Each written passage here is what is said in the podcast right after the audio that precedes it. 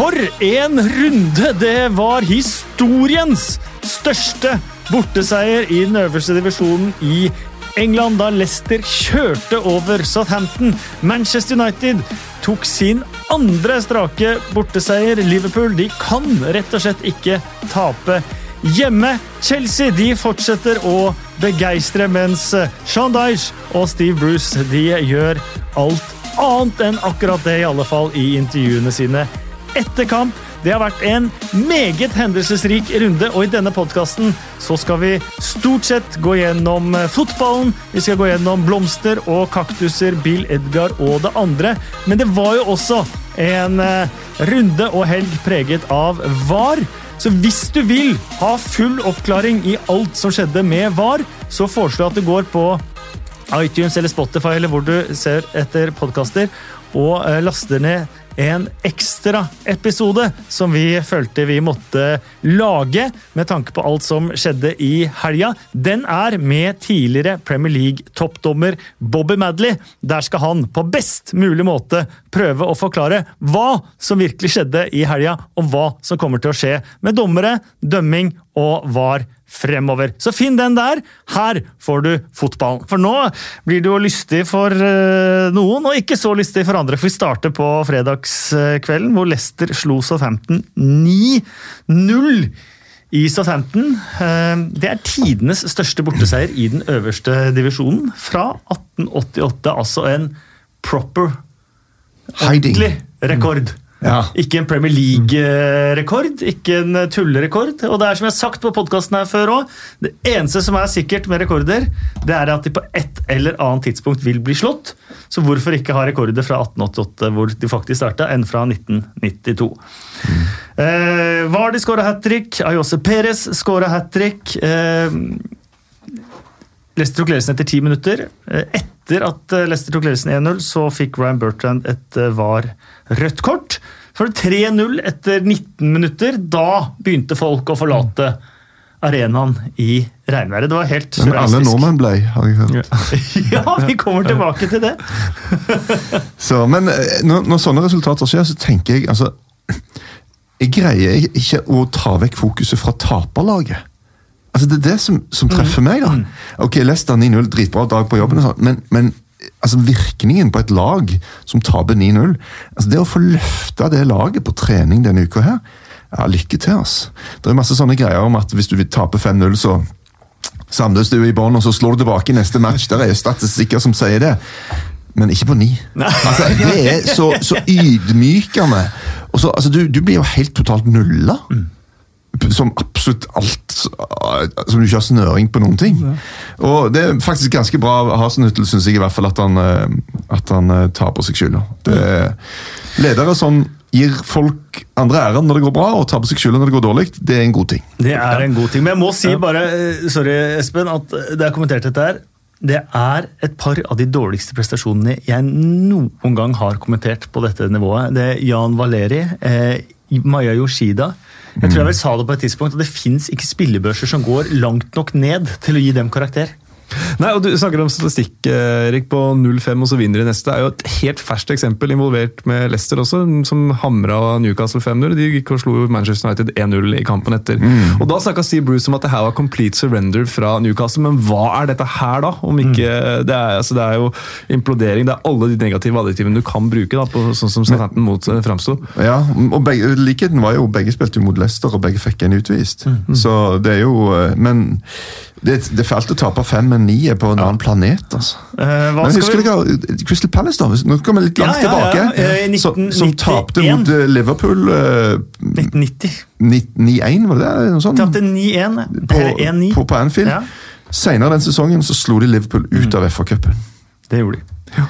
Uh, ja, Vålinga slo vel Sogndal 7-1 i cupen på Fosshaugane, men røyk mot dem i kvalik litt seinere også.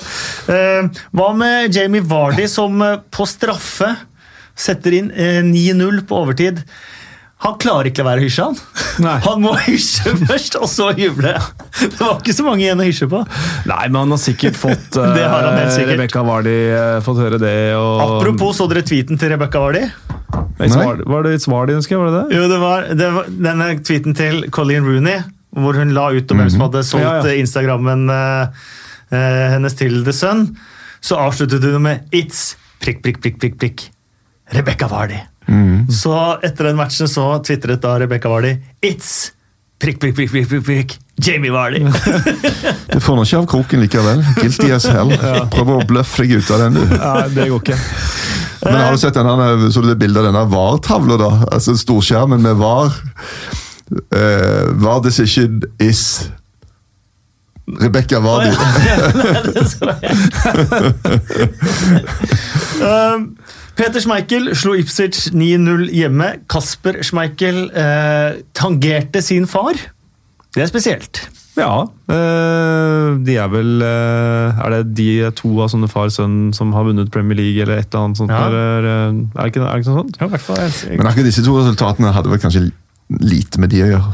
Lite med de å gjøre. Selv om han hadde en kjemperedning på slutten. Ja, ja. Kasper Schmeichel. Det skal det har vært eh, tungt å slippe inn der. Det skal det hadde vært veldig, ja, Det er tungt, kanskje dårlig å snakke om tungt for Leicester-spillere den kvelden. Men dette er også Leicesters i alle turneringer i hele klubbhistoriens største bortseier. Det er eh, Southamptons i alle turneringer eh, største hjemmetap. Eh, men eh, om de, de kjørte på Mange tar foten av gasspedalen. Eh, Johnny Evans han visste om denne rekorden. På 6-0 så hadde han gått rundt til gutta og bare nå er vi på, nå er vi på skjema til rekordgutter! Nå må vi kjøre på! Men Det synes jeg er kult, da, for det er så veldig ofte du ser lag som er kjempegode i første omgang, og så tenker du du skal finne fram kule rammer, og så ganger du opp, og hvor mye blir dette her, og så ser du det bare daue hen, og så tenker de ja ja, nå nok er nok. Nå bare ser vi denne kampen ut, og det er kult, og jeg tror det er bra for de òg, da. Bruk det som trening, hva som helst. Pøs på. Så eh, Nei, det, det Og at hadde Man City gjort det så tenker du ja, ok, fair enough, de slo Watford 8-0 på hjemmebane tidligere i sesongen, men, men Leicester ja, Brendan Rodgers eh, Seriøst topp fire-kandidat. Selvfølgelig er de det. Det er de. Men eh, det var mye som tyda på før denne matchen, og enda mer etter matchen, egentlig, at de overskåra noe sinnssvakt. De hadde vel var det 13 avslutninger på mål. Ni av de gikk inn. Og vi har snakka om det eh, Ja. her for et par uker siden. Angus Gunn ser ikke helt ut som keeperen så ut forrige sesong. han lå jo klart sist uh, på sånne keeperstats før den matchen, og nå er det jo helt krise. Han blir bytta ut, tenker jeg. Ja, det kan fort, uh, fort skje. Og vi har jo en annen far-sønn-keeperstatistikk her. For det var jo en herlig keeperduell sånn sett. Det var jo sønnen til Peter Schmeichel, det var sønnen til Brian Gunn.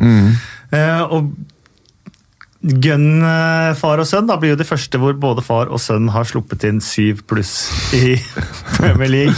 Uh, Brian tapte 1-7 på Ewood Park mot uh, Blackburn. Den sesongen hvor de havna på tredjeplass, Norwich havna på tredjeplass med negativ målforskjell.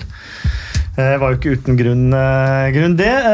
Gratulerer til Leicester. Vi går til Anfield. Liverpool mot Tottenham 2-1. Eh, kampen en toppkamp verdig. Ja, kjempeintensivt. og det- var jo bare Gazzaniga som hindra det her i å bli et større tap. Men så var det et par øyeblikk der hvor Tottenham eh, Sonny tverrlegger til Sånn 2-0. tverrlegger til 2-0 og sånn, ja. Eh, Men kampen sett under ett, så, så var det jo fullt fortjent at, eh, at de vant. Og Klopp sa vel etterpå at han ville vært fornøyd uansett, mm. men som han sa, easy to say, men han mener det. Ja, ok. Men en, en veldig, veldig god fotballkamp.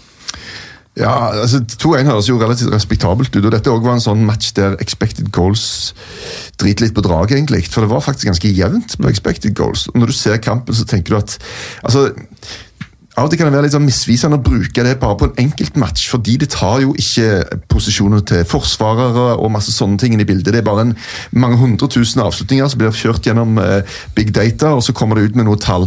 Så dette var jo soleklar fortjent seier til Liverpool. Um, og eh, jeg sa vel i pausen òg i Premier League-studio at eh, hvis Da var det jo 1-0 til Tottenham. Hadde de fått tilbud om ett poeng akkurat nå, så hadde de kanskje tatt det. For vi visste jo at det der greiene der Du skal være sabla konsentrert for å greie å holde det der kjøret der i to ganger 45. Men det er de nøkkeløyeblikkene, hvis sånn hadde satt den. Ja, jeg tenkte at Skal du få poeng, så må du, ta, må du sette den ene sjansen. Det var jo den nøkkelsituasjonen. da. Så, eh, men eh, det er vanskelig uansett altså når de kjører på sånn som de gjorde. Og det er lett å hamre og regjere òg for den feilen han gjør, men altså, du er så superstressa, da. Og han er foran. Han er, han er før man, er liksom, man har kontroll, han begynner bare å tenke hva skal jeg gjøre nå? Og så stikker man ned bare inn foten. og så sparker han bak, og så er det straffe. Og det, ja, det var, det var straffe. Er ikke det Aurier i et nøtteskall? Det er fjerde straffen han lager siden han eh, Ja. kom. Eh, og han er stressa. Han, eh, han har jo ikke oversikt. Nei, han er en accident waiting to happen. Ja. Så, men, men her så blir han et offer for en sabla smart manøver av Mané. altså. Ja, jo, jeg må bare si, Nå var ikke dommeren her, men at noen kan diskutere om det er straff eller ikke, det går over hodet mitt. Ja, jeg er helt enig. Det er ikke så mye mer å si. Den, for meg er den Det- krystallklar. Ja, ja. Men litt eh, honnør til Henderson og den scoringen. Den er, det er eh, høy klasse på den avslutninga der, altså. Syns jeg i hvert fall. Han skårer jo ganske ofte på Anfield. Ja, så, Det var 2015 siden Ja. forrige ligamål. så- men han har, eh, stemmer det at han ikke har sang? Jeg så det var noe sånn, men det var et eller annet med at Johan har det visst allikevel. Oh, ja. Men, eh, Det var samme som jeg sa at Michael Carrick ikke har en sang, men det har han Henderson har sang. Den har sunget masse. Ja. Okay, ja, Det er ingenting du får så mye tyn for for Nei. å ha sånne ting feil. Det var Nei, derfor jeg sa det med et veldig stort spørsmål. Ja, det er kanskje for at den ikke synges så ofte på Ja, Anfield. Nei, de har aldri sunget den. Han har sang, men de har faktisk aldri sunget. Så Uh, vi går til uh, Emirates. Der skjedde det saker og ting. Arsenal tok ledelsen uh, 2-0 med 107 sekunders uh, mellomrom. Crystal Palace uh, kom uh, tilbake. Først ved at Wilfried Saha fikk gult kort for filming. Det ble gjort om på VAR. Så fikk de straffespark i stedet. Og så fikk de 2-2.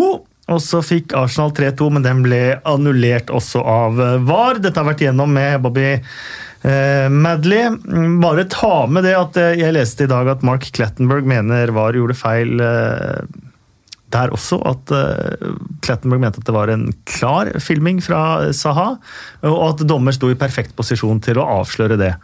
Eh, så for å ta det for det det er verdt, eh, uansett, da, så endte det 2-2. Eh, det som er Den største overskriften er jo kaptein Granit Sjaka, som eh, blir utvist til voldsom jubel på Emirates blant hans egne fans. utvist. Nei, sa jeg utvist? Sa han ikke utvist. Ja, Å ja, mulig, det, byttet men det ut. føltes sikkert sånn. Nei, jeg mente byttet ut. Byttet ut Det til voldsom blitt, det hadde sikkert jubel. blitt jubel hvis han ble Ja. utvist. Ja. Som, eh, Eh, Nei, Han ble bytta ut. Voldsom jubel på, på Emirates. Uh, Han kaster opp armene, og da blir uh, jubelen omgjort til fullstendig pipekonsert på egen kaptein. Så roper han 'fuck off', og så tar han hånda til øret og roper 'fuck off' en gang til idet han forsvinner inn spillertunnelen. Det var det omdiskuterte. Eh, Klubblegende Ian Bright rasende på Granit Xhaka, det er det flere som er også. Samtidig, hvis jeg får lov til å ha Granit Xhaka bitte litt i forsvaret også, eh, så tror jeg han tok seg veldig nær av de uttalelsene til Patrice Evra som kom eh, eh, for et par uker siden og kalte Arsenal-spillerne for babyer. Eh, Jeg tror han er, mangler selvtillit, og jeg tror han har gitt så mye, eller prøver i hvert fall å gi så mye for denne klubben her, uten at han egentlig har ferdighetene til det, at han føler det er ekstremt urettferdig den behandlinga han får, både fra fans og fra eksperter, og at det rett og slett rant litt over for han. Um, Så kanskje man kan si at det er litt to sider av en sak her. Ikke kanskje. Nei, Det er klokkeklart. Klokkeklart. Men Fans, fotballfans blir ofte opphøyd til en sånn en eh, Det er det reneste av det rene. Det er arbeiderklasse, det er the real deal, og det er liksom folkerøsten, og de har alltid rett. Og det er ikke sant. Det er masse idioter som er fotballfans, som det er av alle andre ting i hele verden. Ja. Og jeg syns det er en uting å pipe på egne spillere. Når det er en som sier at ja, men han gikk så seint av banen, og det var provoserende, og det kan godt stemme. Eh, Men jeg synes at av og til, vet du hva, da må fotballspillere også få lov til å si ifra. Det, det, altså, det, den greia der eh, er grusomt. Jeg har vært med på lag sjøl der folk har eh, Hjemmefansen har pe- pepa på pe vår spillere. Det, er, altså, det har en sånn en effekt, da.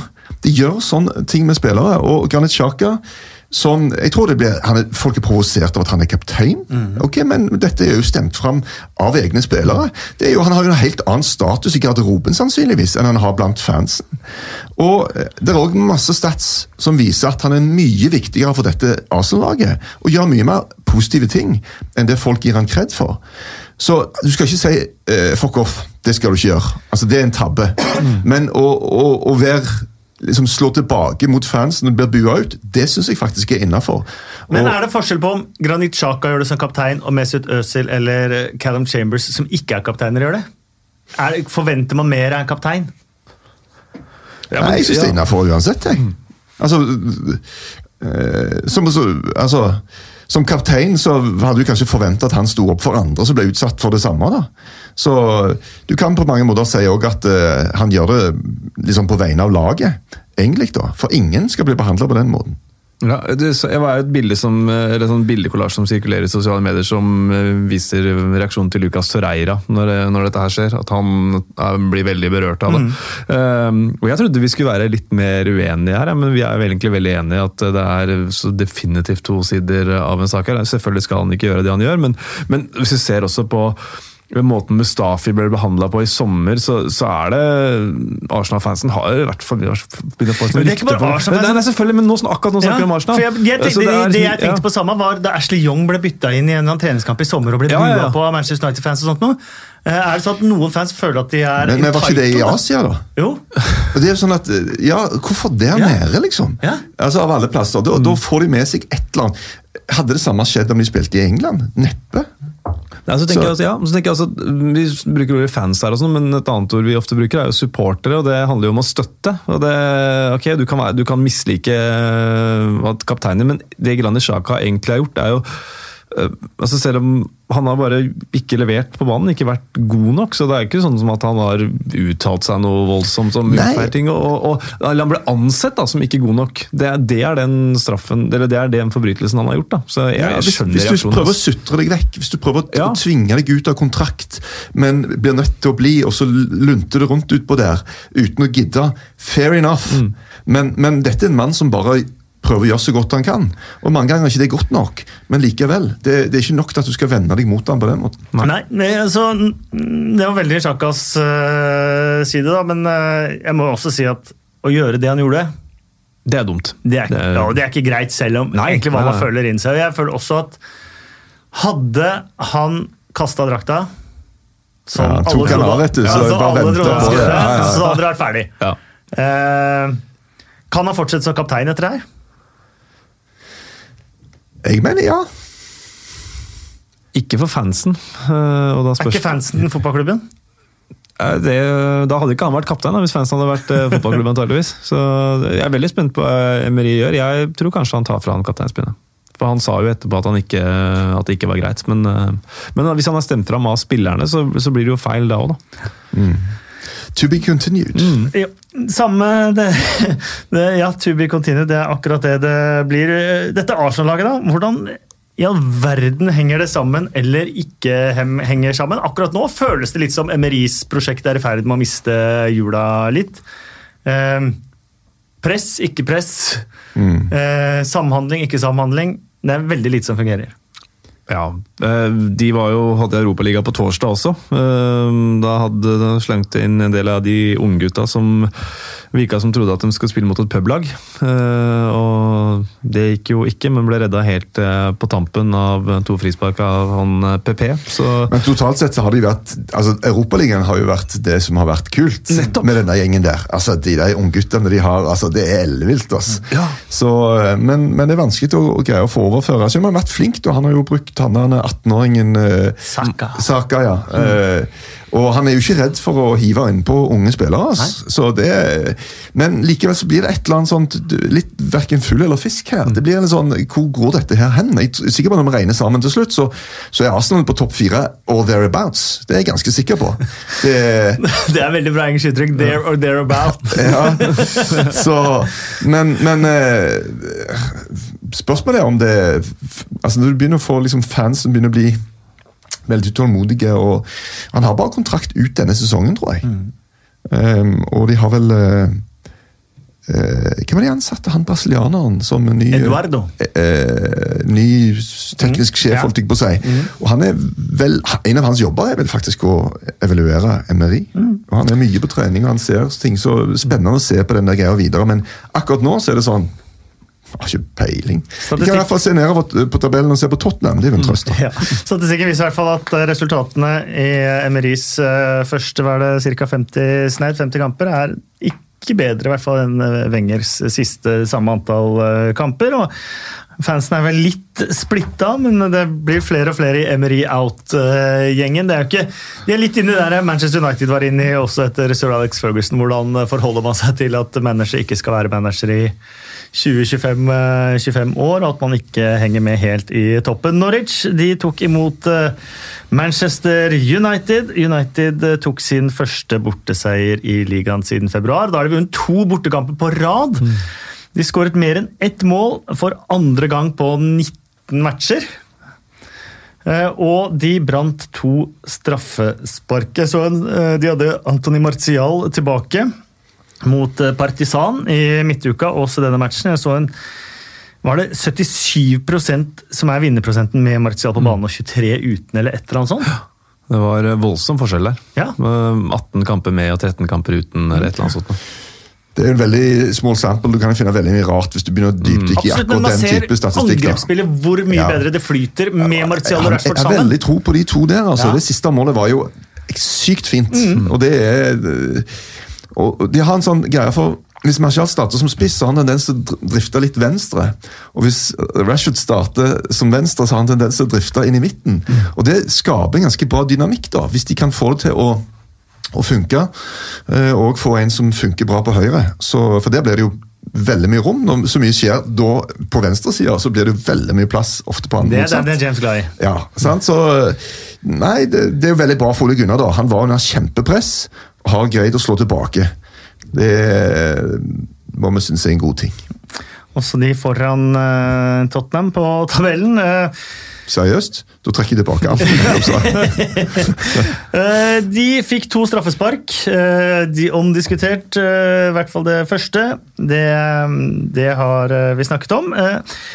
Så redder jo Team Krohl begge straffesparkene. Begge straffesparkene så beveger han seg for tidlig ut fra linja. Den andre ok, det har vi sett før. Den første så står han noen meter meter ut idet straffesparket kommer.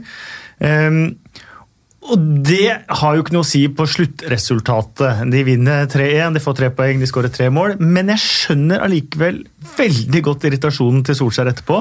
Fordi at dette med straffer har vært en issue for Manchester United. De har ikke hatt en straffeskytter egentlig som de kunne stole på. Kanskje, kanskje ikke. Martial skåra mot Partisan. Rashford har jo vært eh, brukbar. Men når begge da brenner, så blir dette plutselig fra å være en liten greie til kanskje en stor greie. og De har brent nå fire av fem straffespark til Fire av seks, eller? Eller fire av fem. Jeg tror Rashford har skåra to ganger. Ja da, han skåra mot Leicester òg. er fire av seks. Ja. Ja. Brent fire, i hvert fall.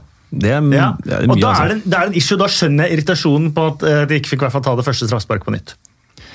Ja, ja. Altså, det er en skandale at ikke assistentdommeren får det greiene med seg. Det må jo være verdens enkleste ting. Å bare stå og så, Han har én jobb! Se om keeperen går ut av linja eller ei!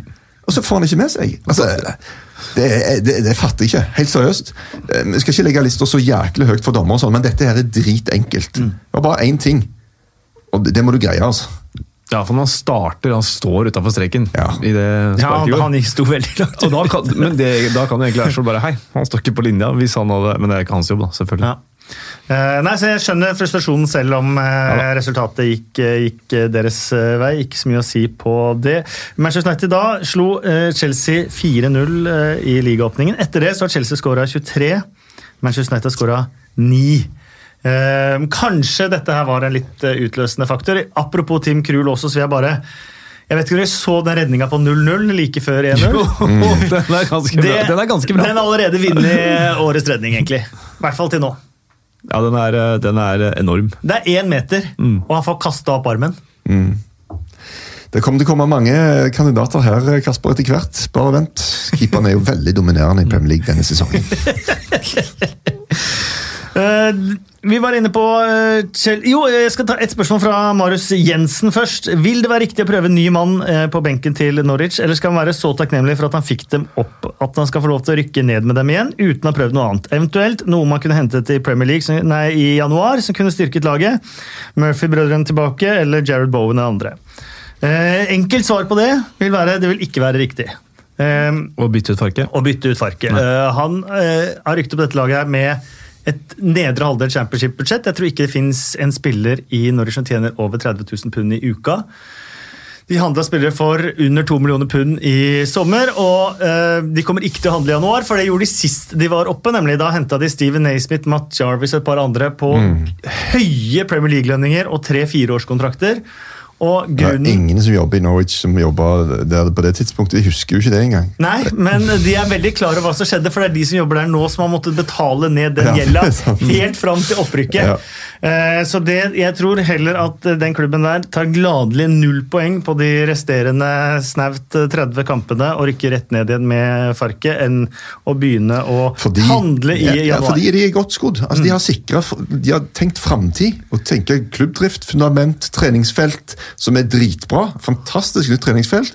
Så, så de, og det tror jeg er en bra greie. Du kan ikke bare leve sånn fra sesong til sesong. Altså, Norwich har nå med dette opprykket og fornuftig pengebruk sikra klubbdriften i de neste Helt fram til en ny ledelse som vil Ja, blåse penger. Ja. For det kommer, det òg. Ja. Ja, men, ja, men jeg tenker De spillerne du nevner der, det er jo spillere man kan hente i januar, selv om man øh, ikke da klarer seg, da. Jared Bowen fra Championship, ikke sant. Han kommer til å Eh, koste mye. ja, hvor mye? Jo, men det er noen gode lån. Du kan alltid finne litt lånefolk her og der. Kanskje altså. lånefolk her og Ja. der. Nå har de kanskje brukt opp den Murphy eh, kan jo komme tilbake. De De kan, ikke, de kan ikke være så dyre, de Murphy-brødrene. Nei, men vi må ha de tilbake. There. Nei, kanskje ikke. Try Men, uh, eh, Du kan få uh, sannsynligvis Fartongen, Alderweireld, Christian Eriksen og Danny Rose på lån. hvis ja, du- ja. uh, vi går videre til eh, Chelsea, som vi var eh, inne på. De slo Burnley 4-2 på Turfmore, Og da, ja, bare for å, Nå så jeg ordet Burnley. Burnley gjorde det samme. De beholdt Sean Dyche Ja. etter nedrykket fra Premier League. Han rykket dem opp igjen.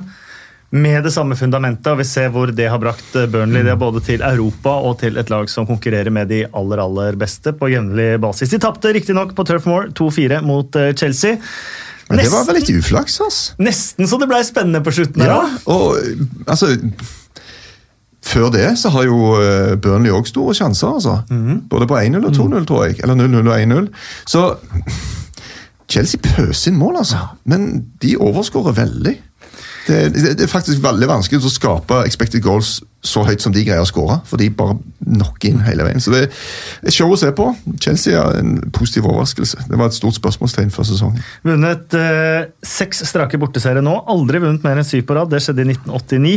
Eh, Christian Pulisic starta tre av de fire første.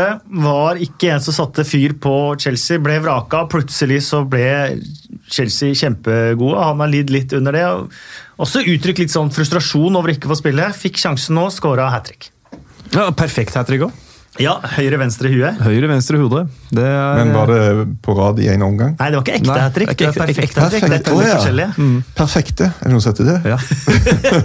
Høyre, venstre hode, det er Ja. perfekt.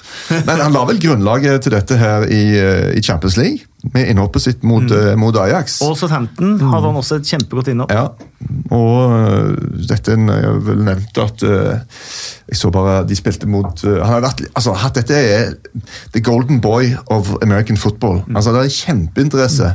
Alle engelske journalister, uh, aviser og sånn, hvis du skal ha litt klikksport i USA, skal du bare skrive noe om Pulisic. Da driver du opp trafikken. Så han er, og det er klart at Når du har så mye spotlight på deg og sånne forventninger, så så er det tungt, da. Når du som stjerne ankommer, og så blir det ikke det store. og Så spilte de mot US, Canada med USA nå nettopp, og da tapte de for første gang på 35 år. Men på 0-0 så ble han bytta ut, og da så de at altså filmene satt grinende på benken. Altså. Mm. Så han har vært nede, og da er det kult når de er oppe igjen. Altså, ja, og han er, han er bra, altså. Selv når de første kampene så syns jeg at du kan se at her er det en bra spiller. Altså. Men han har jo bra konkurranse, da. Altså, lykke til. Ja, det er Han har Hudson kjempekonkurranse. Ja, og. Pedro er jo helt Ja, ja. ute i eh, hundehuset nå, men Hudson Odoi kom jo da innpå. Fikk straffespark, omgjort på VAR til filming og gult kort, og det eh, ja, Jeg la vel ikke skjul på hva jeg følte om det mens jeg kommenterte. Du er sjelden nøytral, du, Kasper. Nei, men Vi har, vi har ikke noe oppgave med å være nøytral heller. Eller objektiv. Ja, du det er veldig eh, misforstått at man skal god- være objektiv og nøytral hele tida. Ta en god titt på den stillingsinstruksen din, Kasper. Pluss du får et annet brev i posten fra TV 2 nå snart. Ja, men Sean Dyer skal jeg heller, heller ikke skjult på hva han mente. Nei, og det provoserer meg enda mer. Ja, for det er Sean Dyche i et nøtteskall. Eh, han er altså så skinnhellig, Sean Dyche. Eh, dommere gjør alltid feil. Hans spillere gjør aldri feil, og han gjør aldri feil. Og det at han går videre på å gi Callum Hudson-Odoi, 18 år gammel spiller, eh, et rykte for filmer, liksom, det, det, jeg, jeg syns det er så dårlig. Ja, stinker.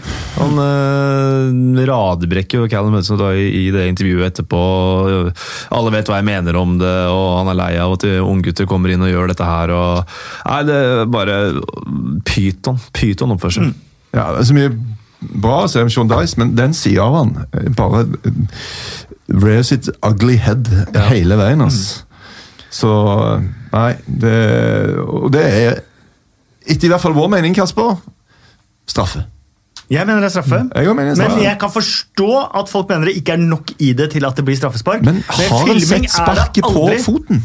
Filming er det aldri. Nei. Nei. Det var det. Vi går videre til eh, Manchester City mot Aston Villa. Manchester City eh, sleit i første omgang. Villa meget eh, godt med. Så tar det 21 sekunder av den andre, og så er egentlig den kampen ødelagt for Aston Villa. 2-0. Kevin De Bruyne skyter. Eh, hvis den ikke går via foten til David Silva, så er det goal. Hvis den er borti foten til David Silva, så er plutselig Raheem Stirling en del av spillet. Han er i offside. Men da skal det ikke være mål. VAR eh, sier at de fant ikke konkluderende bilder på at David Silva var borti ballen. Selv om det ser ut som David Silva sier til dommeren at min goal. Ja. Og Premier League gir David Silva målet. Det gjør de til slutt. Så da Dubious goal panel, men der er det ingen som vet hvem som sitter. nei. Pluss at de hadde de gjort det hvis ikke han hadde sagt at det var hans mål. For han sier det vel etterpå òg, gjør han ikke det? Jo. David Silva. Så jeg, jeg, kan, jeg, jeg kan forstå logikken i dette, at VAR ikke kan finne noe bevis. Fair enough. Og Så går han ut etterpå og sier ja, jeg var faktisk borti han. Da kan du ikke begynne å omgjøre hva-greiene. Men de som sitter og skal bestemme men eh, så, så, så Jeg kan forstå at dette er mulig, da, men eh, Husker du ikke når Harry Kane prøvde å påstå at det var hans scoring?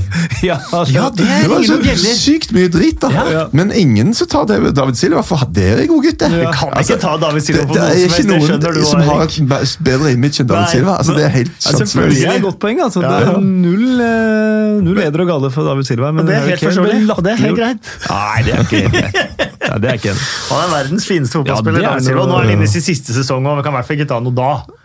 Nei, nei, nei vel. Nei, ja, mor er frisør og Ja. jobber på sånn Han er fra Mange nordmenn som Han er fra Granca. Ja. Granca. Ja. Aginegin. Um, 3-0. Manchester City gjorde i hvert fall at de satte litt press på Liverpool eh, før de skulle ut i aksjon, uten at det hjalp noe særlig. Eh, Men de er innafor den marginen at eh, hvis de, vinner, eh, hvis de vinner de to interne oppgjørene mot Liverpool Ja. ja. Og nå er det vel ikke så lenge til det første kommer. Ikke bare et par uker. til? Ja. Ja. Men det er jo et eller annet uh, Altså, De kan faktisk avgjøre det sjøl, da. Det er jo, uh, det skal jo godt gjøres at de vinner de to kampene, men det er ikke en, uh, en umulig differanse å hente inn. Men jeg syns ikke Manchester City ser like bra ut som de to foregående sesongene. Jeg synes det ser- Offensivt så gjør de det, men ikke defensivt. Ja, men jeg synes det, jeg syns ofte at både mål og uh, seire og sånt, eh, i hvert fall uh, før de får sitt første, at det si- ser ut som det sitter lenger inne, og de ser mer uh, liksom skjøre ut defensivt også. og Det kan det selvfølgelig ha med at Laporte og andre er skadd og sånt. nå. Laporte, Tenk om van Dijk hadde blitt skada for Liverpool. Det er litt den samme effekten. Men for to sesonger siden Husker du alle målene de skåra på overtid? Eller på, helt på slutten? da? Ja. Det var jo masse, Sånn har det ikke vært nå. det. men da leder de med tabellen med 20 poeng òg, så det var liksom ikke så farlig. De kunne ha senka skuldre hele veien mens de gjorde det. Det kan de jo ikke nå. Så de kunne liksom bare ta litt med ro helt til det sto 89 på klokka. Nei, så var men det de sånn. kunne ha roen med at hvis de ikke skårer, så er ikke det så farlig heller. Ja, og det, men det er jo bare et par dager siden de feide Atalanta av banen på eh, Etter å ha ligget på- under etter- 0-1 etter å ha da ligget da. under, Og det er et Atalanta-lag som, som er gode, altså. De eh, vant 7-1 nå i helga og ligger på tredjeplass. Men de ga bort eh, 3-0 til 3-3, og de har vært skjøre, de òg.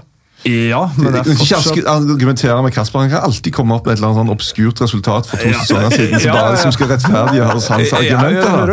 Og, og jeg vil si at, at City burde ligge oftere under med 1-0. Du, du får det til å høres ut som en dårlig ting. Nei, det er en bra ting. Det er noe City trenger å trene på, så det ligger under. For det har, det har virkelig gjort de shaky tidligere. Når de har, har, har vært dårlige, så har det vært pga. at de så ofte feier andre lag, og så når de havner under, så har det bare stokka seg for dem. Så det er rett og slett eh, trene på å stå i denne greia og, og snu en kamp, tror jeg faktisk er en bra Mm. ting for City. Problemet mitt, eh, mine argumenter når de kommer sånn, er at jeg er ca. 70 cm lavere enn Erik Thorstvedt, så når han hever stemmen, så må jeg gi meg uansett. Ja, jeg har ikke den samme skrekkeffekten. Det er veldig godt at du er her, Erik. Newcastle de eh, spilte 1-1 mot Wolverhampton etter å ha ligget under eh, Etter å ha ledet 1-0 til eh, pause. Du snakket om XG etter kampen, Erik, og da, da slo det meg en ting. for Du er glad i dette XG.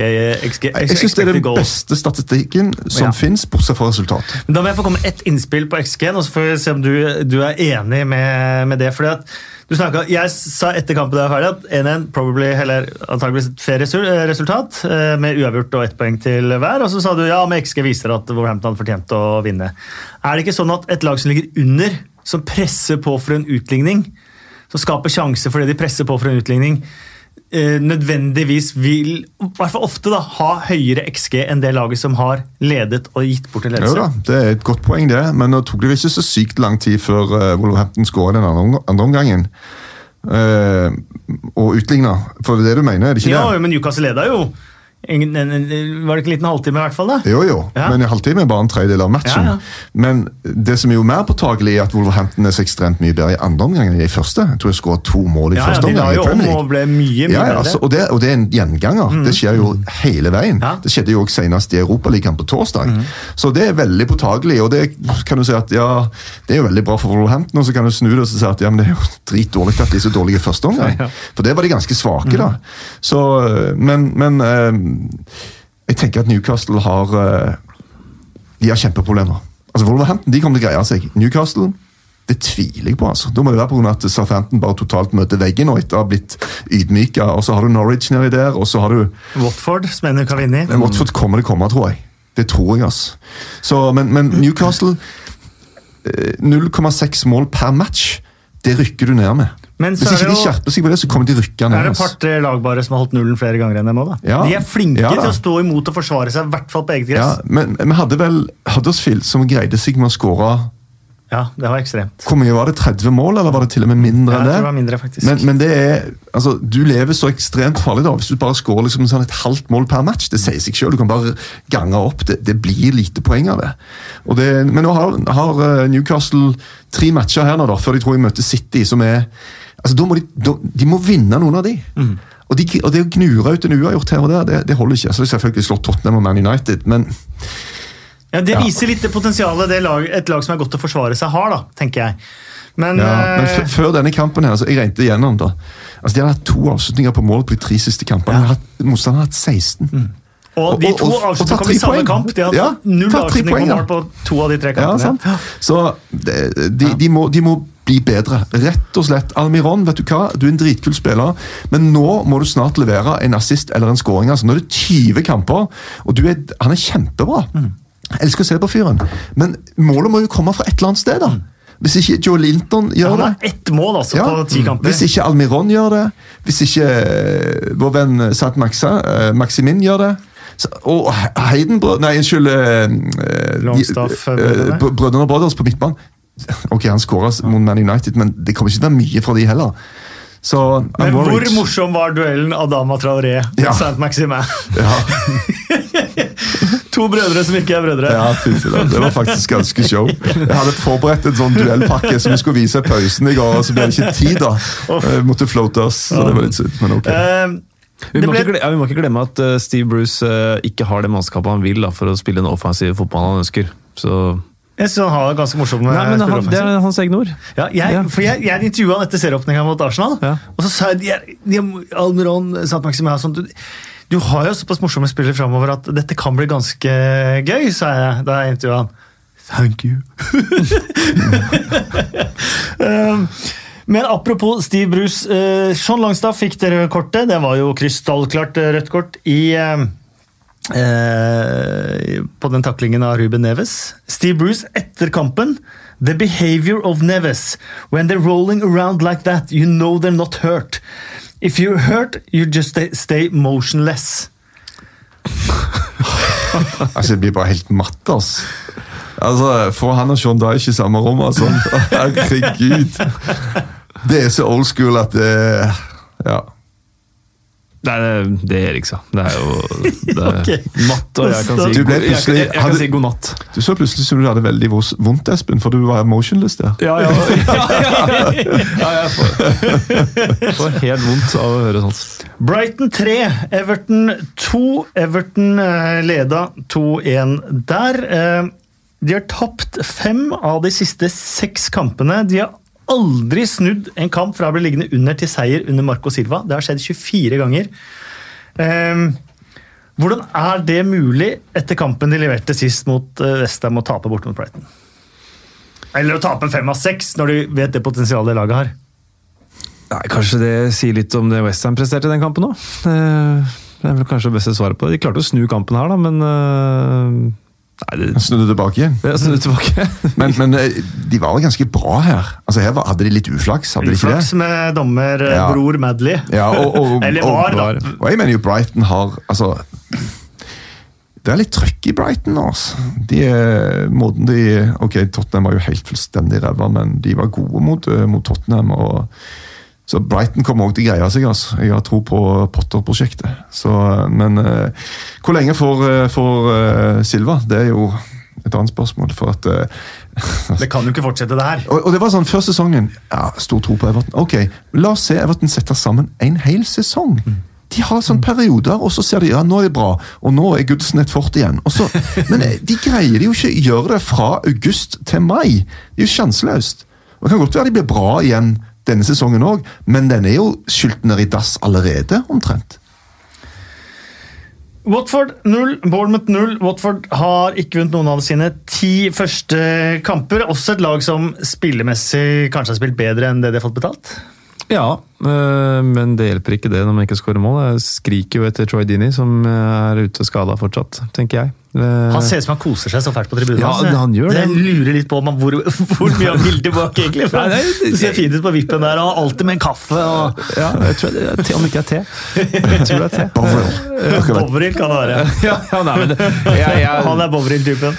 Altså, vi snakker om at de kan klare seg, så det er avhengig av å få han på beina igjen uh, snart. Det er ikke, ikke nødvendigvis bare for at han kommer til å skåre noen mål, men uh, den tilstedeværelsen han bringer og det han betyr for den klubben, det tror jeg er uh, helt alfa og omega.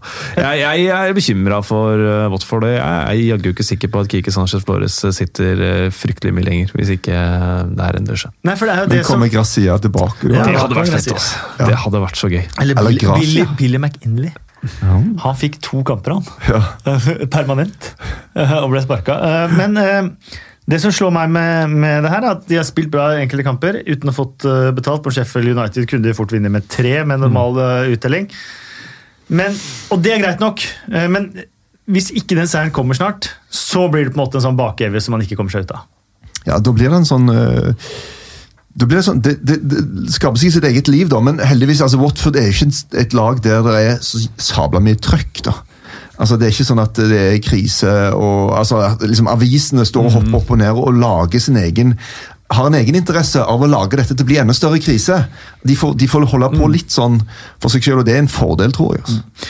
Um, Watford vant ingen av sine første ti kamper i 06-07 heller. Gikk vel ned, da? Nei, det er helt korrekt. Ja. Endte på Så 28 det- poeng. og det helt sist. lystig lesing, det. De vant den 11. Ja. Eh, Og hvis man ser på de lagene de siste 20 årene som ikke har vunnet sine ti første, så har majoriteten gått ned. Ja. Ja. Eh, Westham 1, Sheffield United 1. Lys Mousset skåret igjen for Sheffield United. Hans tredje mål på sju kamper. Det er like mange mål som han fikk på 58 kamper i Bournemouth. Men ikke fit nok til å starte, ifølge Wiler. Det var fint mål òg, var det ikke det? Jo da. Så um, Sheffield United greier seg. Det er et eller annet uh, Ja. solid med det der. Det er vanskelig å bryte ned. Altså, Norwich kan jo spille kulere fotball, men det er kjørere. Helt enig. Så Eh, Chris Wilder har plukket altså opp, og dette her er ganske uh, sjuk statistikk. og Nå har vi ikke tatt med Northampton-sesongen nå. Hadde vi gjort det, så hadde den kanskje blitt eh, annerledes, for han fikk jo over 100 poeng i league 2 da han rykka opp Northampton før han tok over Sheffield United. Men siden han tok over Sheffield United, så har han altså 271 poeng. Og det er kun Klopp og Guardiola i engelsk fotball som har flere. jøss. har gjort en helt vill jobb. Jeg har Ja, sagt det her ja, 100 ja. ganger før i, i podkasten. Redde Oxford. Tok over Northampton da de lå under Oxford. Mm. Rykka de opp med over 100 poeng. Tok over Sheffield United, som da var et nedre halvdel League One-lag. Rykka dem opp på første forsøk. Midt på tabellen, første sesong i Championship. Opprykk andre sesong i Championship. Og så er spørsmålet Hvor går eventuelt veien videre, hvis han går det? Se på, eh, på Eddie Howe, se på Wilder. Altså Det å gjøre en kjempejobb med de lagene, er det godt nok til å få Everton, f.eks.? Det burde det være. Det burde det være. Ja, definitivt. Chris Wilder og Everton. Ja. Nå pirra du meg litt her, for det er en god tanke. altså. Ja, det er en god, tror jeg har vært en bra match. Ja. Um, og, men det er klart for Arsenal, da. Å kvitte seg med Emery og så ta Wilder, det vet ikke jeg. Høres ikke like eksotisk ut. Men kanskje det hadde funka Ja. like bra. Altså, Det er ikke godt å si, men det er litt sånn, jeg synes det er litt dumt hvis det er et, et sånn platå for disse britiske managerne. som Ja, men eh, hit, men ikke lenger, liksom. Når du gjør en så syk jobb som han har gjort, da. Mm. Ja, det er jo eh, Og eh, Eddie her òg, for så vidt. Med den bakteppet tilbake hvor, hvor Bournemouth var på et tidspunkt. ja, ja. ja. Men Eddie Howe har den lille flekken på CV-en at han ikke lyktes i Burnley noe særlig. da. Ja, Den er ikke svær, da. Den Nei, jo, men den er, den er jo der. Pluss at det Eh, er mange som syns at det, det er rart at ikke Bournemouth har blitt enda bedre. da. At de fortsetter. Ja, de slipper jo vel 2-0-0-kamper på rad, så de slipper vel inn mindre mål nå. for det har jo vært en stor Ja, men nå var jo både Norwich og Bournemouth de eneste som ikke hadde holdt nullen før de møtte Ja. hverandre. da. Det jeg elsker med Sheffield United, er jo alle disse spillere her som har gått den lange veien til, til Premier League. John Fleck var jo sånn supertalent da han var 17. eh, Får først sjansen i Premier League når han er nå 28. O'Connell, Egan, Basham, George Baldock, Enda Stevens som var på dypt vann da han var i, eh, i Aston Villa. Ja, det var han liker veldig godt. Han er Sykt underholdende spiller. David McGoldrick ble frigitt av Ipswich. De ville ikke ha han mer. Eh, han gikk til Sheffield United gratis og rykka opp, og Ipswich rykka ned. Og nå spiller han i Premier League. Starter matcher. Går du gjennom lista i Premier League, det er mange, enormt mange som har blitt frigitt. Altså. Mm. Ikke nødvendigvis når de var 24, men når de var 16 da, eller 15. Ja, Men McGoldrick frigitt da han var 29. Ja. Eh, og nå er han i Premier League, og så har du selvfølgelig en mann som John Lundstram, som er en del av den derre Alle fantasy-spillers store Ja, favoritt. Mm. Han er av ungdomsgreia til Everton, eh, som er eh, Kieran Dowell. Eh, du har eh, Mason Holgate, som kommer litt etter. Eh, du har han høyrebekken som nå er i tysk eh, Kenny, fotball. John, eh, Joe Kenny. Er Ja. han Bening, Benny Beningemi, er han i den Ja, han er også enda litt men yngre, men, mer, ja. men han kom opp gjennom den rulla der. Ja. Eh, lånt ut til Oxford, som ble en sånn permanent overgang til Oxford. Mm. Og nå spiller han Premier League, han òg. Eh, Jeg syns det er morsomt, den historien til veldig mange av de her Sheffield United-spillerne. Ja, det er jo, viser at det fortsatt er mulig, da. Det er, Det er litt sånn som, Var ikke du lenge på sånn lokalradio, og, liksom, og så plutselig er du på TV 2? liksom Gått den lange veien? Og. Ja, faktisk det. Motsetning til sånn tidligere Ble ikke du frigitt av Radio Nova på? Tidligere, tidligere, tidligere Premier League-spillere som bare kan spasere rett inn i toppjobbene.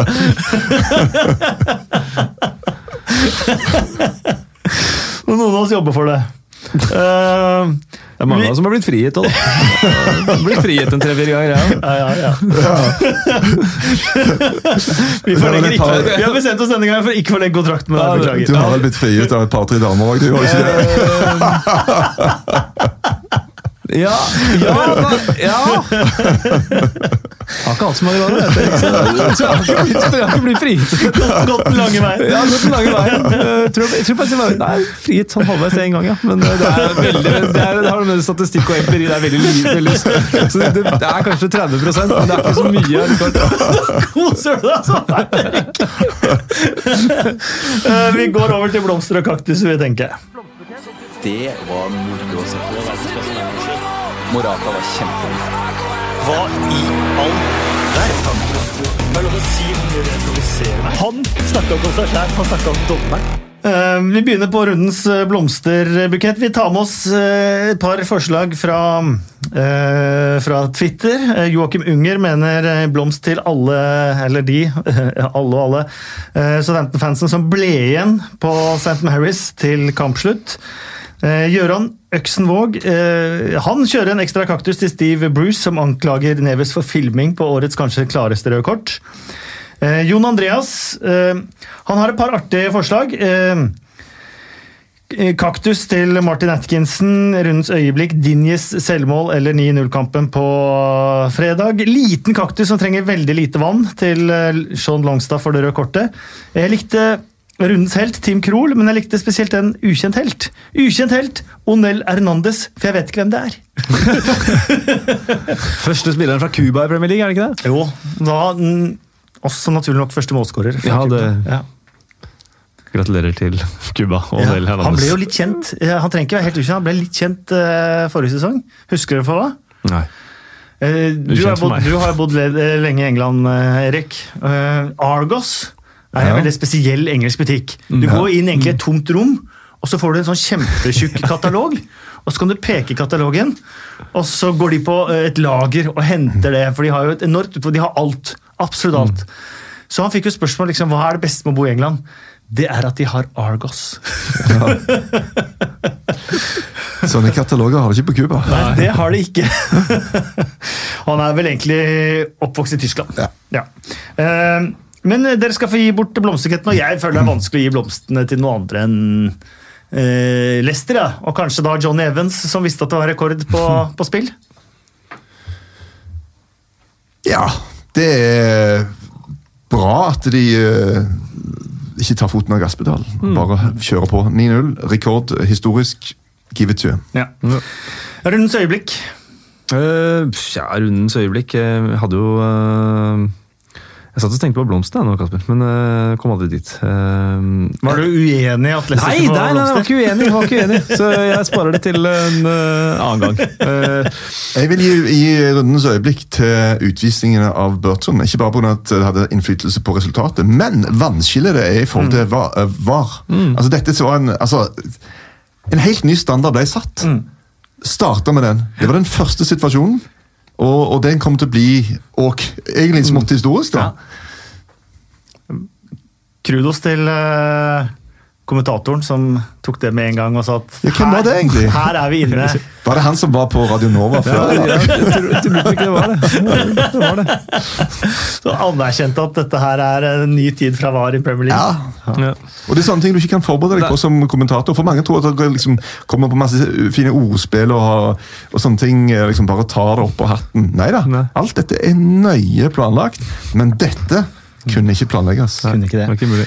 Rundens ukjente helt. Eh, mitt forslag var egentlig David De Hea, eh, som eh, sto på banen etter de første 45 minuttene på Carrow Road, helt til Team Krohl var på vei av banen for å gi han en eh, fistbump etter de to eh, straffe, strafferedningene. Ja. Etter første gang. Ja, den er fin. Jeg, fra samme kamp, så jeg var kanskje litt mer Det var der jeg egentlig hadde sånne blomsterforslag, men øh, jeg syns Fred har fått mye tyn. Syns han har hatt, øh, vært bra i det siste. Han var ikke en ukjent helt, men øh, syns han har gjort en fin jobb. Verken ukjent eller helt, si. ja, er mer ukjent, sa? Verken ukjent eller helt, nei. Jeg har vært kritisk til Fred i det siste. Ja, jeg har vært øh, veldig kritisk til han inntil nå. Nå har han gjort, vært et par gode kamper. Men min ukjente helt, Dan Byrne, hvis ikke han har fått den før. Ja. I En typisk ukjent eh, helt, det. Men eh, jeg kansellerer Oi, øh, ikke det, ikke det, nei. Nei, det var liksom, det var ikke så mye anerkjennelse for forslaget der. Damn, Nei, Burn! Nei, nei, glem det.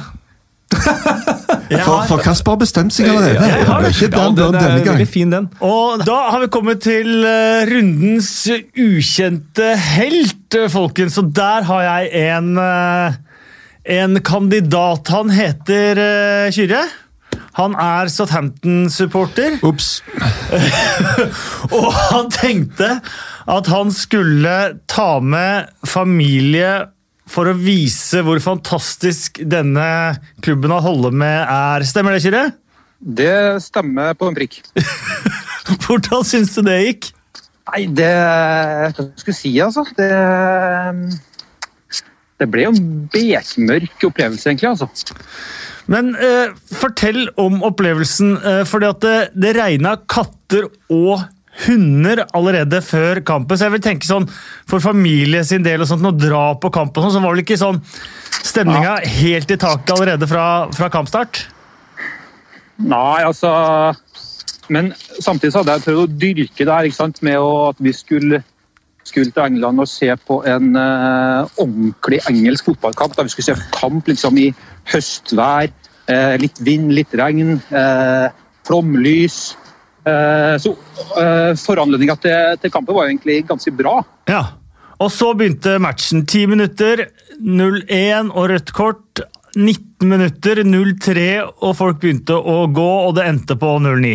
Ja, det gjorde det. Dere, men dere Um, satt hele veien ut. Vi satt der.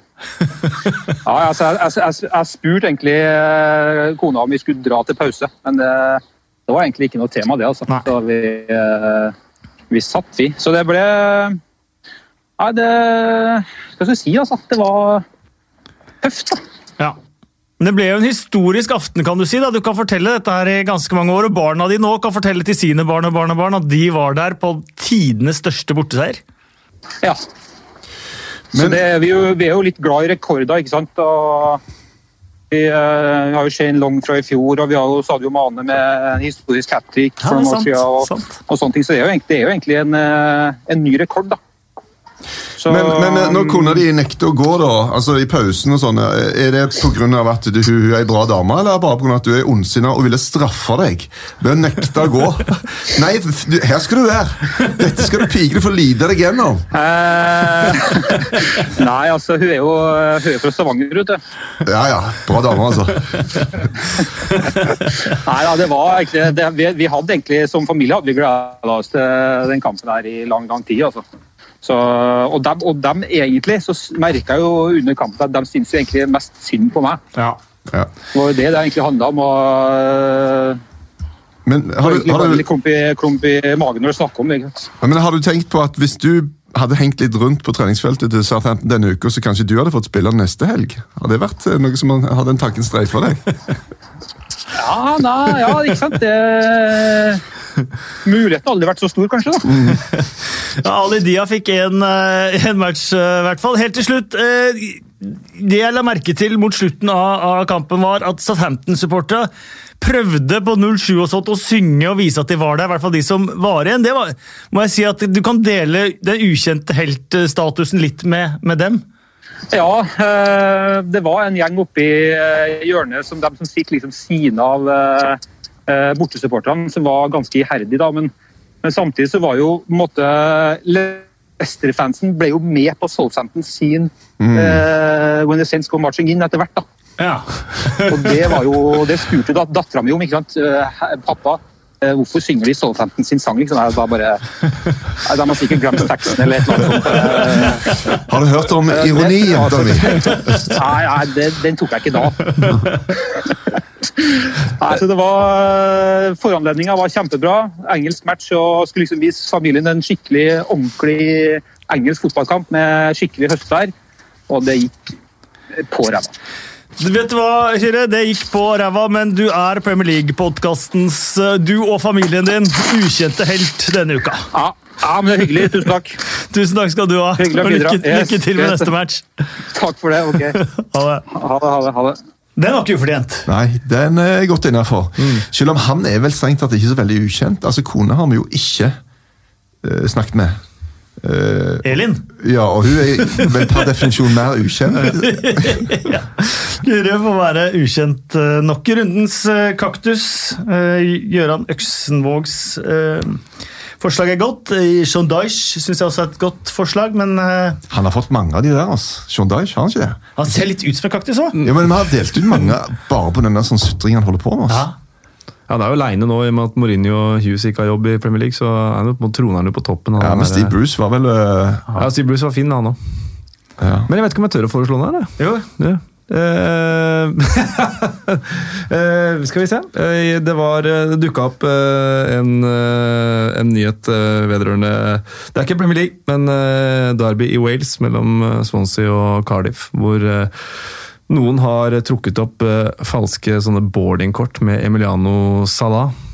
Uh, og hvor piloten er Mickey Dye, en Cardiff-fan som ble drept i 2011. Det sier selvfølgelig ikke noe om Swansea-fansen som helhet, men de som har gjort dette her, Det, Men var det, var det kort, eller var det bare noen som var på sosiale medier? ja, på sosiale medier, ja. Så- Ja, for at det, alt som kreves, er én idiot, liksom. Ikke sant? Det er nettopp det. Ja, det, det- det, har ikke noe ikke, det er ikke Swansea-fansen, det er ikke de som skal tas, men de som har gjort det. Det er jo ja. Altså, jeg det er, litt- det, Jeg kan godt være med på litt sånn drøy humor, jeg, altså, men det er en grense. liksom, Ja. og Dette er bare så sykt langt over at Så eh, sykt langt over. Men det er nesten litt for uh, langt over til at Ja. man kan gi en sånn litt spøkefull kaktus. For det. ja, Oh, ja. Hvis du skjønner hva jeg mener? Ja, skjønner. Jeg skal, det er og greit. Vi har jo allerede gitt kaktus til Cardiff for samme situasjon. Ja. Ja, For at de vi. driver fortsatt og krangler om de der sabla pengene. Altså. Lei, lei, lei suppe, hele Mm. opplegget. Få inn til Daesh, da. Daesh og Brus, skal de få dele den sammen? Ja, det er greit for meg. Se de to Er det greit for deg, der. er jeg, føler du deg overkjørt? Nei, jeg har, ikke stemmerett. Jeg, så- Jeg ser, jeg ser fram til å se de to slagget der for denne kaktusen, altså. Jeg Ja, det blir gøy. Jeg gir kaktusen til eh, Espen Ven for eh, offerrollen. Saklig! Det er greit. Det kler deg ikke, Espen. Det kler deg ikke. Nei, det gjør ikke det. det, gjør ikke det. Du, eh, du skal få gi den til han Nei, eh, nei, nei, nei, Swansea-supporteren. vi gir den til Dash, og så tar vi heller bare og stryker han sånn, den, den personen som har laget den greia fra minnet. Da går vi til Bill Edgar. Arsenals syv siste. Aldri skjedd! Første gang siden er den sjette spilleren. Fun factsene til Bill Edgar. Er du spent, Erik? Det har vært en veldig spesiell runde. Her må det være noe snask, altså. Det er Expected wow. ja, veldig høy. Uh, Watford uh, ja, vi, For de som hører på podkasten første gang, så er det kanskje greit å få med seg at Bill Edgar han er statistikkmannen i The Times. Um, så han kommer med sine betraktninger hver mandag i fotballbilaget The Game. Uh, så det vi gjør her, er å sitere hans beste, fineste og artigste fun facts fra runden. Vi begynner med Watford. Første FA Cup-finalist siden Portsmouth i 1929 til å ikke vinne noen av sine ti første ligakamper den påfølgende sesongen. Altså, hvordan finner du noe sånt? Du må altså, lete, de- Av og til er det bare sånn øh, Syk mann, altså. Men kult. Man, denne er fin. Manchester City har skåret flere mål i Watfords siste 17 kamper enn det Watford har selv. Manchester City har 14 mål på to kamper mot eh, Watford, mens Watford selv har skåra 13 mål på sine siste 17. Uh, Watford er første laget siden de begynte å telle slikt i 2006, som har byttet ut en spiller i løpet av de første ti minuttene i to kamper på rad. Eh, og dette her er det flere som har lurt på på Twitter, men Ayose Perez og Vardy er første duo til å skåre hat trick for et bortelag i samme kamp siden Gary Burtles og Neil Webb for Nottingham Forest mot Chelsea i 1986. Yes, Neil Webb var jo midtbanespiller, var han ikke det? Neil Webb var midtbanespiller, veldig fin nå, ble postmann etter karriere. Jaha. Ja, Han leverte i hvert fall i denne. det gjorde han. Det liker jeg. Eh, Dette var første Premier League-runden på 16 år med tre hat trick. Jeg fikk kommentere alle tre. Heldig, du. Jeg kommenterte 17 mål jeg, på tre kamper. Men tror du det kom så mye mål litt pga. deg, Kasper? Jeg tror det var kun. Kun. um, Leicester skåra flere bortemål på fredag enn det Der Derby gjorde helsesongen 07-08. De skåra åtte da de endte opp med elleve poeng totalt. Eh, Denne her også eh, litt artig. Leicesters totale ligamålforskjell gikk fra minus syv til pluss to på fredag. De har altså skåra 6998 mål eh, før denne runden. Mot eh, 7005 baklengs. Ja, men det der har en tendens til å jevne seg ut over tid.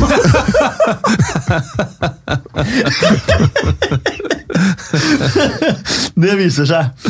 Uh, kun to keepere de siste 30 årene har vunnet, eh, vunnet en kamp i den øverste divisjonen med ni mål. Det er Schmeichelsene.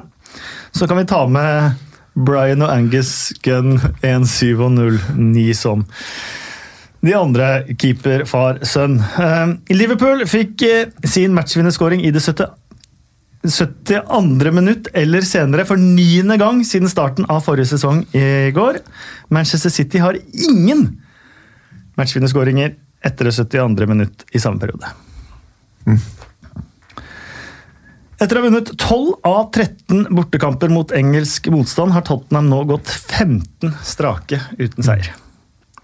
Chelsea er første laget siden 1994 til å spille 60 strake Premier League-kamper uten rødt kort til noen av lagene i noen av kampene. Jøss. Og Chris Det var, Wilder var det 60 du sa? 60, ja. Uh, og uh, vi prata så vidt om Chris Wilder, og han får avslutte det. Chris Wilder er ubeseiret i sine fem siste bortekamper i Premier League, ni siste bortekamper i Championship, ni siste bortekamper i League One og 16 siste bortekamper i League Two. Ja. Ja, Det det var Ja, Bill Edgar. leverer han, Det var veldig. Ja, veldig bra. beste, om ikke den beste Bjelgar sånn totalt sett. Ja, han fikk jo mye å bryne seg på. Det var en oh, ja. veldig spesiell runde. Ja, Så jeg eh, hadde høye forventninger til ham denne gangen. Ja, men jeg tipper han har jobba ganske bra ut på søndag kveld. her, Altså. Det har han gjort. Men han må ha litt hjelp. Ja, ja. En mann kan ikke fikse alt dette Nei, jeg tror han får litt hjelp av Enfa. Ja. eh, English National Football Archive, mm. for de eh, abonnerer jeg på. Og de er, Hvis jeg lurer på noe som går utover liksom dette standard Premier League-greiene, så eh, kan jeg sende mail til de, og da svarer de med en gang. Og så kan vi finne ut av ting eh, sammen. Men er det ikke noe dataprogram som på en måte kan omtrent sjøl søke opp en del av disse greiene? Det tror jeg ikke. Og, og de er jo like nerder som uh, både meg og Bill Edgar og alle sammen i Enfa. Det var veldig morsomt, for at jeg vet ikke, Hvilket mål var det Zlatan Ibrahimovic skåra? Var det 40 000 eller sånn i Premier League? Ja, noe sånt, noe, Ja. 25 000 tror jeg det kanskje var. Nei, det var, Nei, var, var det var flere, tror jeg. var det det? Ja, for jeg tror Mark Albrighton hadde Jo, kanskje det var 25 000. Hadde ikke han 20? av? Jo, noe kanskje. Ja, 25 000. Ja. Så da skrev jeg til Enfa bare hvilket mål var det egentlig. Uh, og det fikk jeg svaret på. Det var 536 300 og et eller annet. Eh, og så spurte jeg de samtidig også, men kunne jeg også få hvem som skåra det tusende og femtusende og titusende? Og ja, ja, det skulle jeg finne ut. Og så fikk jeg mail etterpå at eh, fem, akkurat 5000 var vanskelig. Eh, for på slutten av 1890-tallet så var det togstreik i England. Eh, sånn at de måtte bruke hest og kjerre til kamp. Og da var kamptidspunktene De, var, de starta ikke akkurat klokka tre. Eh, Så når de skulle gå gjennom da, så visste de ikke helt når klokka kampen hadde starta. Så derfor så var det veldig viktig å pinpointe, nei, veldig vanskelig å pinpointe hvem som hadde akkurat mål nummer 5000. da. Men de hadde noen kandidater der. Expected horse. Eh, Vi skal avslutte med fem kjappe spørsmål. Eh, Før det så håper jeg bare at dere går inn på iTunes. Legger inn noen stjerner og kommentarer hvis du likte episoden eh, eller liker podkasten generelt. Du kan gjerne følge oss på Twitter òg. Vi heter T2PLpod på eh, Twitter. Og mm, kom gjerne med spørsmål og innspill der også, skal vi prøve å svare på så mange som eh, mulig. Eh, Vi avslutter med fem kjappe spørsmål. Hvor og Det første spørsmålet kommer fra jeg har en liten teori om at denne sesongen her må man ha veldig mange poeng for å overleve. Men det er min teori. Eh, fordi at det er tydelig at de pressetivt dårlige lagene tar flere poeng eh, mot de andre lagene enn vi har sett tidligere. Eh, så mitt spørsmål er hvor mange poeng må man ha for å overleve i Premier League denne sesongen? Hva er det hvor det ligger sånn i det siste? Det ligger på 35. Ja, eh, Westham har rykka ned med 42. Eh, Blackpool rykka vel ned med 38. Eh, og så har du klart å holde deg med 34-35 også Ja. noen sesonger. Det, det har krøpet nedover. Mm. For at de gode lagene har blitt så gode. At, eh, men jeg tipper 38. Jeg. 40. Oi. Tøft. Eh, burde Ralf Hassenhuttel ha trukket seg umiddelbart etter kampen på fredag? Nei. Rykker Watford ned? Ja. Nei. Du sa ja? Mm. Eh, var, slik det har vært til nå, ja eller nei? Ja, altså Inkludert denne helga, eller før helga? Hele ti første rundene. Ja, men Det er jo umulig. For det er jo Ja eller nei-spørsmål, Erik. Ja. Ja. Taper Liverpool en hjemmekamp i Premier League denne sesongen? Nei. Nei. Takk. Ja. Nei. jo da. Nei, tusen takk. Eh, Felix, tusen takk for at du lagde episoden. Det var Tusen takk, tusen alltid. takk til eh, Moderne Media for at uh, de lot Felix lage episoden. Uh, tusen takk til deg, Erik, for at du lot Felix Moderne Media og meg lage episoden. Ja, du Det har vært herlig å se utviklingen din, Kasper. Fra den spede begynnelse til der du er i dag. Og tusen takk til deg, Espen, for at du lot Felix, meg og Erik lage denne episoden. Og være offer. Ja, ja du, du bruker lang tid på å plukke deg opp nå. Ja, ja, det går ikke, det. Det er Ralf Hasenhuttel og vi, vi har samme oppgave ja. denne uka som kommer. Det har dere. Og Jeg håper ikke bare han kommer hjem og så gjør damer det slutt nå. For da går den statistikken i været òg. og tusen takk til deg som uh, hørte på. Håper du hører på oss eh, neste uke. Og da kommer episoden ut på tirsdag og ikke mandag.